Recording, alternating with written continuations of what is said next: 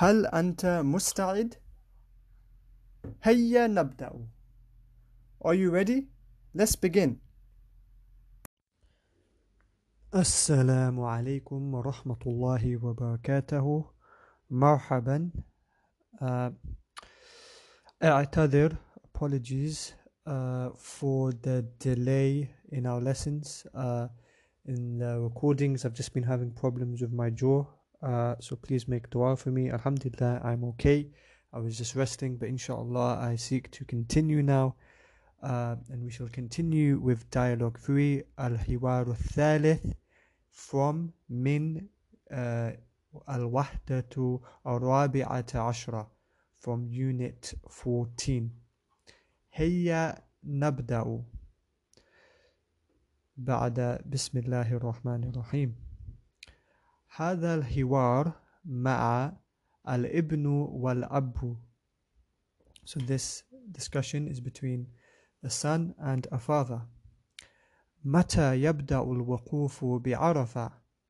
يبدأ غدا في اليوم التاسع بعد الزوال ومتى ينتهي؟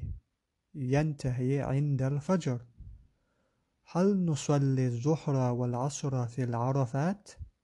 نعم جمعا وقصرا وقت الظهر. ومتى نذهب إلى المزدلفة؟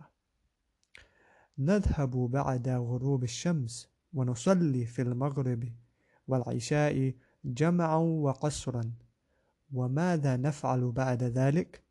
نذهب إلى منى قبل شروق الشمس ونرمي الجمرات الكبرى ثم نذبح الحدي. ونحلق رؤوسنا. ونحلق رؤوسنا. وماذا نفعل بعد ذلك؟ نذهب إلى المسجد الحرام للتواف الإفاضة وسعي الحج. ومتى نطوف تواف الوداع؟ بعد رمي الجمرات في اليوم الثاني عشر أو الثالث عشر. So let's go over the translations.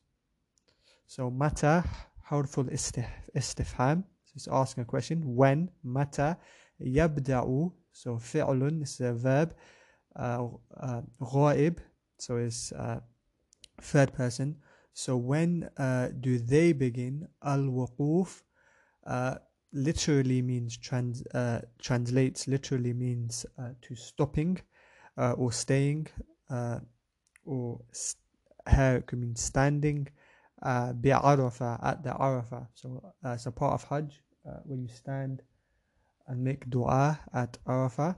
So متى يبدأ الوقوف بعرفة? When does the stopping or standing at Arafah begin? يبدأ غدا it will begin it begins tomorrow. So this is uh, فعل مضارع so that's why it's present tense يبدأ غدا tomorrow في اليوم التاسع in the day the ninth day بعد الزوال so the ninth day of Dhul Hijjah the month where Hajj takes place in Islam ومتى when ينتهي when does it finish ينتهي عند الفجر so it finishes عند at fajr so time in the mornings uh, dawn yeah so before sunrise هل نصلي الظهر uh, did you pray Dhuhr? So it's the uh, midday uh, prayer. Uh, wal Asra, the afternoon prayer. Fi Arafat. So did you hal nusalli Dhuhra wal Asra, the two prayers. Fi Arafat. Naam, yes. So we need a naam to respond to the hal. Did you? Jama'u, so jama'an, uh, combined or together. Wa qasran, so قصرا uh, means uh, short shortened yeah so you have the word, the noun qasir, which means short. So qasran has shortened. وقت الظهر. So we com- jam'an wa qasran waqt al So we combined and shortened them at the time of dhuhr.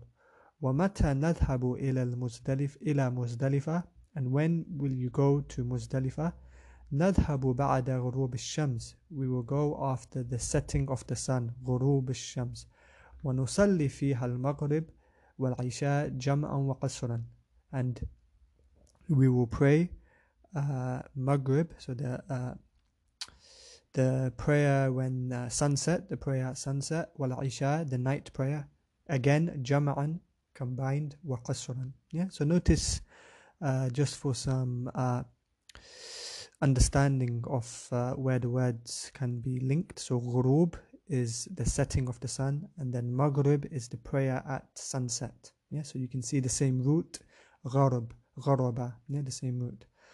وماذا نفعل بعد ذلك وماذا حرف استفهام so asking the question what نفعل will we do بعد ذلك نذهب إلى منى قبل شروق الشمس so we will go to Mina uh, before شروق الشمس the uh, rising of the sun so sunrise ونرمي الجمرة الكبرى so we will throw narmi al jamarata, the pebbles uh, at the big the big pe- pe- pebbles at the big pillar.